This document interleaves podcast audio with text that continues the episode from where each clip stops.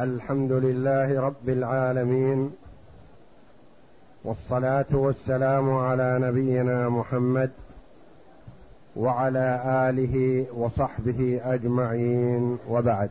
بسم الله بسم الله الرحمن الرحيم. الحمد لله رب العالمين والصلاة والسلام على نبينا محمد وعلى آله وصحبه أجمعين. قال المؤلف رحمه الله تعالى فصل وتعتبر هذه الشروط حال العقد في أحد الوجهين لأنهما شروط لعقد فاعتبرت حال وجوده كسائر العقود.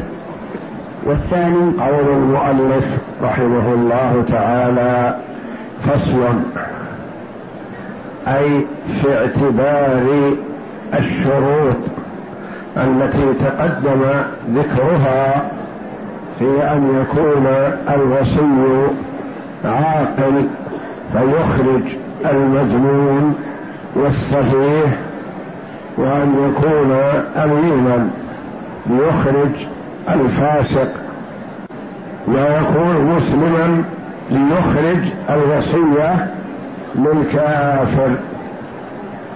يقول رحمه الله وتعتبر هذه الشروط عند العقد في أحد الوجهين والوجه الثاني تعتبر عند الموت. ومعنى هذا أن الرجل قد يكتب وصيته لولد من أولاده دون البلوغ لكن يعمل أن يبلغ قبل أن يحتاج إليه. هل تصح الوصية لمن دون البلوغ؟ أم يقال لا تصح لأنه يلزم أن تكون الشروط مستوفاة حين كتابة الوصية؟ أم أنه لا تلزم هذه الشروط إلا في حال الموت. فمثلا الرجل كتب وصيته لولده الصغير أو كتب وصيته لولده الفاسق أو كتب وصيته لولده المجنون.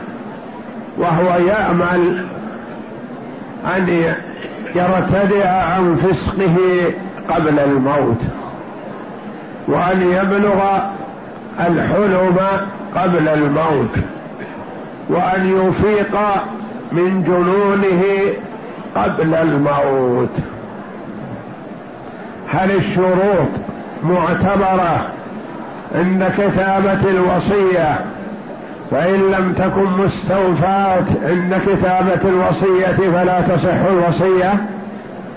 أما أن اعتبار هذه الشروط يكون عند الحاجة إليها أي عند الموت. يأمل أن يبقى على قيد الحياة حتى يبلغ ولده الذي تجاوز عشر سنين مثلا. فكتب وصيته له لما يتوسمه فيه من العقل والتمييز والإدراك لكنه لم يبلغ. فهل تعتبر الوصية صحيحة؟ في الوجه الأول قال لا تعتبر صحيحة لأنه وصى لطفل. وفي الوجه الثاني قال تعتبر صحيحة. لأنه يأمل أن يبلغ قبل أن يموت الموصي. وتعتبر هذه نعم وتعتبر وتعتبر هذه الشروط حال العقد. في حال العقد يعني حال كتابة الوصية. نعم. في أحد الوجهين لأنهما شروط لعقد فاعتبرت حال وجوده كسائر العقود. كسائر العقود يلزم أن تتم الشروط عند كتابة العقد. نعم. والثاني؟ والثاني الوجه الثاني أن اعتبار الشروط هذه عند الموت عند الحاجة إلى الوصية حينئذ. هل هي مستوفية الشروط؟ فتصح الوصية. أم غير مستوفية؟ فلا تصح الوصية. نعم. تعتبر حال الموت لأنه حال ثبوت الوصية ولزومها لأنها ما تلزم قبل الموت. ولا يتصرف في شيء ما قبل الموت. فعند الموت إن كان الوصي أهلا صح وإن كان الوصي ليس بأهل فلا تصح.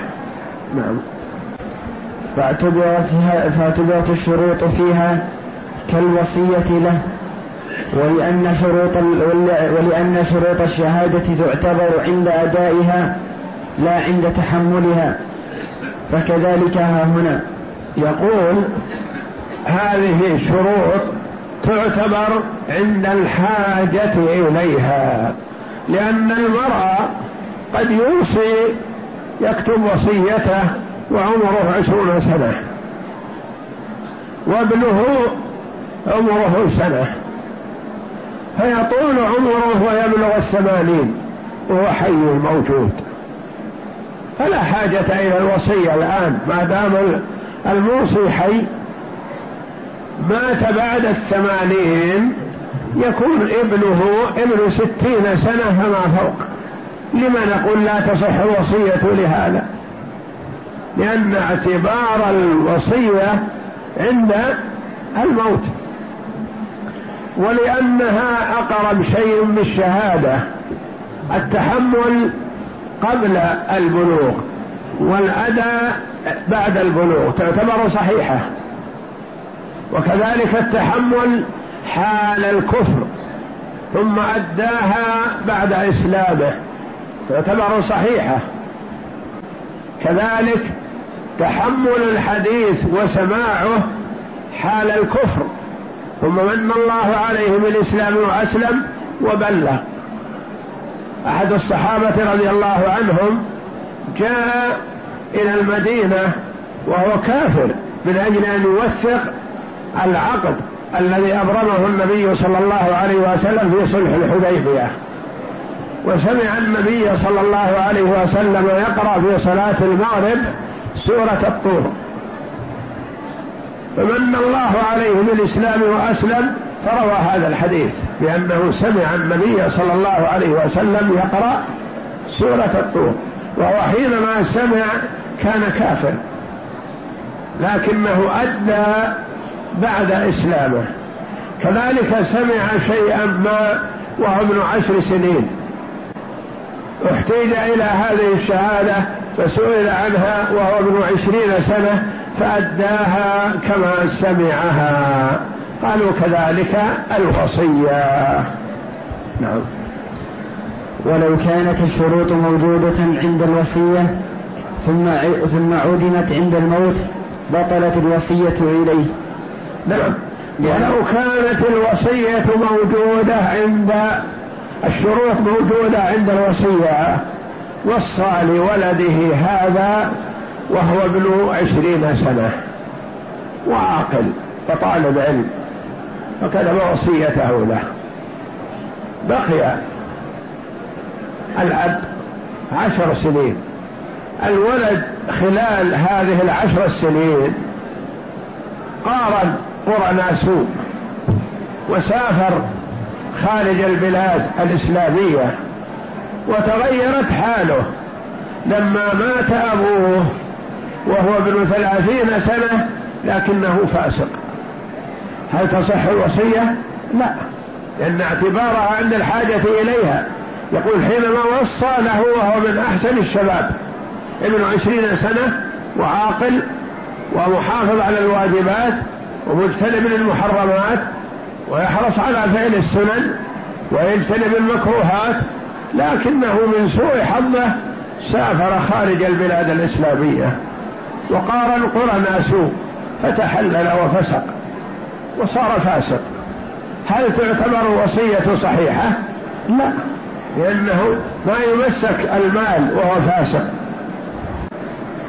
ولو كانت الشروط موجودة عند الوصية ثم عدمت عند الموت بطلت الوصية إليه بطلت ما صحت. فاسق ما يسلم المال ولا يسلم مال القصار ولا يسلم الولاية على إخوانه وأخواته. القصر وهو فاسق أنه فاسق فسق. فتعتبر الوصية باطلة إليه وعلى الحاكم أن ينظر في من يجعله وصيا على هذه الوصية. نعم. لأنه يخرج بذلك عن كونه من أهل الولاية. لأنه بهذا الفسق والعياذ بالله يخرج عن كونه من أهل الولاية. ما يصلح يولى ولا يصلح يزوج البنات ولا يصلح يسلم مال الأيتام. يجحده أو يأكله. وكذلك لو أصيب بجنون حينما وصى له عاقل لكنه أصيب بجنون مرض. أو فقد الذاكرة أو نحو ذلك كذلك. أو حصل عليه حادث مرور سيارة مثلا وتأثر فكره وعقله. تبطل الوصية لأنه غير صالح لأن يكون وصيا على مال القصار ومال الصغار وفاقد الإدراك. نعم. ويجوز أن ويجوز أن يوصي إلى نفسين لما روى ابن مسعود رضي الله عنه كتب في وصيته إن مرجع وصيتي إلى الله ثم إلى الزبير وابنه عبد الله ولأنها ولأنها استبانة في التصرف. فجازت إلى اثنين كالوكالة. يقول ويجوز أن يوصي إلى نفسين. قال رحمه الله إلى نفسين. يعني ما قال إلى رجلين. لأنه يقول يجوز أن يوصي إلى نفسين. يعني يوصي إلى رجلين. يقول الذي يتولى وصية فلان وفلان من الناس. أو إلى رجل وامرأة. يقول الذي يتولى وصية ابني الكبير وزوجتي فلانة. اثنين. أو يجوز أن يوصي إلى امرأتين. يقول الوصية يتولاها زوجتي فلانة وبنتي فلانة. ولذا قال رحمه الله إلى نفسين ولم يقل إلى رجلين ولا إلى امرأتين ولا إلى رجل وامرأة. يعني أنه يصلح إذا قال لنفسين يعني شخصين رجل وامرأة أو رجلين أو امرأتين يجوز. لما؟ قال لما روي أن ابن مسعود رضي الله عنه عنه قال إن مرجع وصيتي إلى الله ثم إلى الزبير وابنه عبد الله. جعلها الاثنين. جعلها للزبير بن العوام رضي الله عنه أحد العشرة المبشرين بالجنة وقد جاء أنه أوصى للزبير عدد من الصحابة رضي الله عنهم لثقتهم فيه وكان رضي الله عنه يجمع مال القصر والنساء ويحفظه وينفق عليهم من ماله رضي الله عنه. فهم يريدون هذا. وكذلك ابنه عبد الله بن الزبير من خيار الصحابة رضي الله عنهم وكلهم خيار رضي الله عنهم. ف وكان أول مولود للأنصار للمهاجرين رضي الله عنهم بعد هجرتهم من مكة إلى المدينة.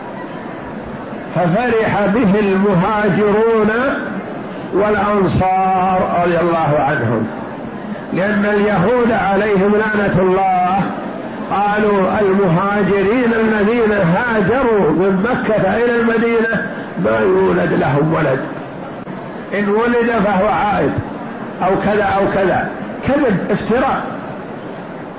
فولد للمهاجرين عبد الله بن الزبير وكان أول مولود.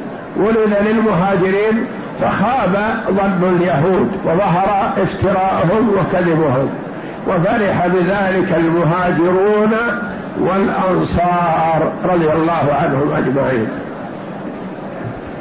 ولهذا روي عن ابن عمر رضي الله عنه أنه لما قتل وصلب في المسجد الحرام عبد الله بن الزبير رضي الله عنه على يد الحجاج وصلبه ومر به عبد الله بن عمر فقال للذين فرحوا بولادته خير وأفضل ممن فرح بموته أو كما قال رضي الله عنه. لأن شعبة الحجاج ومن معه فرحوا بقتلهم لعبد الله بن الزبير رضي الله عنه وأرضاه. ويخبر ابن عمر إن الناس الذين فرحوا بولادته خير وأبر عند الله ممن فرح بموته. فالذين فرحوا بولادته على رأسهم الحبيب صلى الله عليه وسلم المصطفى على ولد آدم كلهم. فكثير من عدد من الصحابة رضي الله عنهم أوصوا لعبد الزبير بن العوام وابنه عبد الله. الزبير حواري رسول الله صلى الله عليه وسلم وابن عمته وزوج أسماء بنت أبي بكر أخت عائشة أم المؤمنين رضي الله عنهن. ولأنها الوصية استنابة في التصرف فجازت إلى اثنين. يعني تكون وصية الرجل كثيرة أو شائكة أو تحتاج إلى مجهود كبير فيقول الوصي على هذه الوصية ابني فلان وابن فلان أو ابني فلان وبنتي فلانة أو زوجتي فلانة وبنتي فلانة. أو زوجتي فلانة وابني فلان. أو زوجتي فلانة وزوجتي فلانة. ونحو ذلك. يعني يوصي اثنين. أو يجعل واحد من أولاده وواحد من جيرانه. أو يجعل واحد من جيرانه وواحد من بني عمه. يصح. نعم. ولأنه استنابة ولأنها استنابة في التصرف فجازت إلى اثنين كالوكالة. كالوكالة لأن الوكالة يجوز أن توكل اثنين على شيء ما. تقول أنا أوكل فلان وفلان على بيع بيتي على أن يشتروا لي بيت على أن يبيعوا أرضي الواقعة في كذا. وكل فلان وفلان على أن يخلصوا معاملتي من البلدية من الشرطة من الإمارة من كذا. توكل اثنين. يصح هذا. نعم. ويجوز أن يجعل أن يجعل التصرف إليهما جميعا وإلى كل واحد منهما منفردا. يجوز إذا جعل الوصية الاثنين يقول يشتركان في التصرف. ما يريد أن واحد يتصرف وحده. ولا ينفي التصرف الواحد وحده. إلا لابد الاثنين معا. حضر فلان وفلان بصفتهما أوصيا على تركة فلان وقرروا كذا. الاثنين معا في البيع والشراء وسائر التصرفات. ويجوز أن يجعل التصرف لواحد منهما ولهما مجتمعين. يقول الوصي على وصية فلان وفلان وجعلت لكل واحد منهما التصرف منفردا ومع صاحبه. يعني إذا تصرف مع صاحبه فالتصرف صحيح. تصرف منفردا وحده فالتصرف صحيح. نعم. لأنه تصرف مستفاد بالإذن فجاز ذلك فيه كالتوكيل. هذا التصرف مستفاد بالإذن يعني حسب ما أذن الوصي. من أذن له أذن لفلان وحده. أذن لفلان وفلان وحده. آه، وحدهما. أذن لفلان وعلى حدة وفلان على حدة. كل واحد منهم تصرف فتصرفه معذور الله. نعم. فإن جعله إلى كل واحد منهما فلكل واحد أن ينفرد بالتصرف. والحفظ فإن ضعف والحفظ فإن ضعف أو فسق أو مات فالآخر على تصرفه ولا يقام ولا يقام غير الميت مقامه. إذا جعل التصرف الاثنين متفرق يعني مجتمعين أو متفرقين ثم واحد منهم اختل عقله أو أصابه سفه أو صار ضعيف ما يستطيع التصرف أو واحد منهم مات. يقول ما يقام بدل الآخر إلا في حال الموت لأن حال الموت خلاص مات ما يرجى أن يعود وصاحبه يحتاج إلى واحد معه بخلاف ما إذا سفه أو جن أو فسق فيتصرف ذاك الموجود يكفي ولعل هذا يعود إلى رشده فلا يقام بدله وإنما يقام واحد بدل الميت. إذا مثلا الرجل وصى لولديه فلان وفلان وقال كل واحد منهم يتصرف على حدة ثم أحدهم مرض. نقول نقيم واحد بدله؟ لا لأن مريض يرجى شفاؤه. واحد منهم سافر واحد منهم ضعف واحد منهم جنة. نقول ينتظر فيه وهذا يتصرف. سائر تصرفه. واحد منهم مات. نعم نقول يضع بدله واحد. يرجعون إلى الحاكم ويضع بدله بدل الذي مات واحد لأنه في حال الموت ما يرجى عودته. بخلاف الحالات الأخرى فلا يقام مقامه غيره. نعم. لأن الموصي رضي بنظر هذا الباقي. لأن الموصي لأن الموصي رضي بنظر هذا الباقي. نظر رضي بنظر الباقي. ما دام إن الموصي جعل لكل واحد منهم التصرف. واحد راح والثاني موجود يقول يكفي. يستمر بالتصرف ما يتعطل. لكن إذا وصى الاثنين ولا يتصرفان إلا معا فواحد منهم جن أو مرض أو سفه أو مات في جميع الأحوال هذه يعين بدله لأنه لن يتصرف الموجود إلا بواحد معه بدل الذي ذهب. بخلاف المأذون له في التصرف باستمرار وحده فهذا يبقى وحده ويكفي. نعم. وإن جعل التصرف إليهما جميعا أو أطلق الوصية إليهما لم يجوز لم يجوز لأحدهما الانفراد بالتصرف لأنه لم يرضى بنظره وحده. نعم. إذا جعل اتصل قال الوصي على وصية ابن فلان وابن فلان. هل يسوغ لواحد يتصرف وحده؟ لا.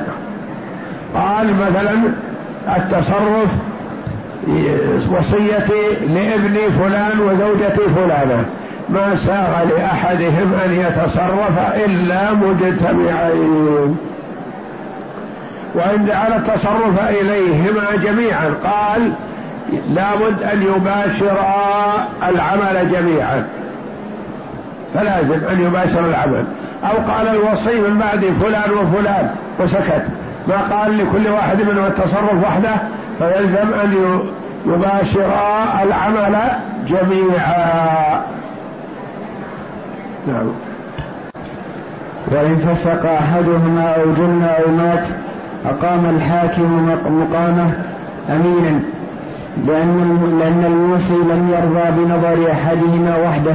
ما رضي الموصي أصلا بنظر واحد فإذا اختلف وفقد واحد بمرض أو جنون أو موت أو سفه فالحاكم الشرعي يعين بدل هذا حتى يسوغ لهما التصرف في الوصية. نعم. نعم. وليس للحاكم أن يفوض أن يفوض الجميع إلى الباقي بذلك. يعني لو الموصي قال الوصي من بعدي على مالي وعلى قصالي ابني فلان وابني فلان. فمات أحد الابنين بعد موت أبيه. يقول ليس للحاكم أن يقول الوصي فلان وحده الحي. لأن الموصي نفسه ما رضي بوصية واحد فلا بد أن يضع الحاكم معه آخر. نعم. وإما ماتا معا فهل للحاكم تفويض ذلك إلى واحد فيه؟ إلى واحد فيه وجهان. أحدهما يجوز لأن لأن حكم وصيتهما سقط بموتهما. فكان الأمر إلى الحاكم كمن لم يكن له وصي. والثاني لا يجوز لأن الموصي لم يرضى بنظر واحد وإن اختلف الوصيان في حفظ المال وجعل في هذه بهذه وإن ماتا الوصيين ماتا معا. هل للحاكم أن يجعل وصي واحد أم يلزمه أن يجعل وصيين كما جعل الموصي نفسه وصيين؟ يقول فيه وجهان. أحدهما يجوز للحاكم أن يجعل الوصي واحد. لأن الوصية الأولى بطلت وانتهت والحاكم له حق النظر والاجتهاد. يقول أنا أوصي لفلان أجعل الوصية لفلان أحسن من عشرة. فله ذلك. القول الثاني يقال إن الموصي أدرى بماله وبوصيته وبالأعمال المترتبة على ذلك فهو حينما وصى جعل الاثنين فيلزم الحاكم أن يوصي الاثنين قولان في المسألة. وإن ماتا معا فهل للحاكم تفويض ذلك إلى واحد؟ فيه وجهان أحدهما له ذلك والآخر ليس له ذلك. نعم. والثاني؟ نعم وإن اختلف الوصيان. وإن اختلف الوصيان في حفظ المال جعل في مكان واحد تحت نظرهما لأن الموصي, لأن الموصي لم يرضى بأحدهما فلم يجز له الانفراد به كالتصرف. وإن اختلف الوصيان في حفظ المال مثلا الوصيان اثنان. قال أحدهم مال القصار يكون عندي وأنا ما أتصرف فيه إلا بعد الرجوع إليك. قال الآخر لا أنا أحق به. مال القصار يكون عندي. فاختلفا فهل يوضع عند أحدهما؟ لا. يوضع في مكان يشرفان عليه معا كان يوضع عند أمين ثقة يحفظه ويقال لهذا الأمين لا تعطيه إلا للاثنين معا. إذا اتفق على بيع أو اتفق على شراء أو اتفق على كذا فوافقهما وما دام أن التصرف جاء من قبل واحد فلا توافقه. جعل في مكان واحد تحت نظرهما يشرفان عليه. لأن الموصي لم يرضى بأحدهما فلم يجوز له الانفراد به كالتصرف. نعم. وإن أوصى. وإن وإن وإن أوصى إلى رجل وإن أوصى إلى رجل وبعده إلى آخر فهما وصيان إلا أن يقول قد أخرجت الأول أو ما يدل على ذلك لما ذكرنا في في الوصية له. إذا أوصى لرجل مثلا كتب وصية وقال الوصي فلان ثم كتب وصية أخرى وقال الوصي فلان ذكر غير الأول. نقول لا يخلو إن ذكر في الوصية الأولى شخص ثم ذكر في الوصية الأخرى شخص آخر وقال في الأخيرة عزلت أو كففت يد الأول وجعلت فلانا بدله. هذا عزل ما يحتاج. إذا قال الوصي على وصية فلان ثم كتب وصية أخرى وقال الوصي عليها فلان يقول يصبحان وصيان معا لأنه ما عزل الأول. يصيران وصيان معا. وإن أوصى إلى رجل وبعده إلى آخر فهما وصيان إلا أن يقول قد أخرجت الأول. يقول قد كنت كتبت وصية وجعلت الوصي فلان وأريد أجعل الوصية لفلان دون فلان. هذا ما يحتاج أنه عزل الأول. أما إذا سكت وقال الوصي فلان ثم كتب الوصية الأخرى وقال الوصي فلان فهما وصيان. أو ما يدل على ذلك لما ذكرنا في الوصية له يعني إذا وصى له بدار أو أرض أو كذا ثم عدم. قال كنت وصيت لفلان بداري والآن أريد أن تكون داري بعد موت لفلان. الأول اغتنى أو نحو ذلك. أو قال داري الواقعة في كذا يسكنها فلان ثم كتب وصية أخرى. وقال داري الواقعة في كذا يسكنها فلان. يقول كلاهما مصلى. والله أعلم. وصلى الله وسلم وبارك على عبده ورسول نبينا محمد وعلى آله وصحبه أجمعين.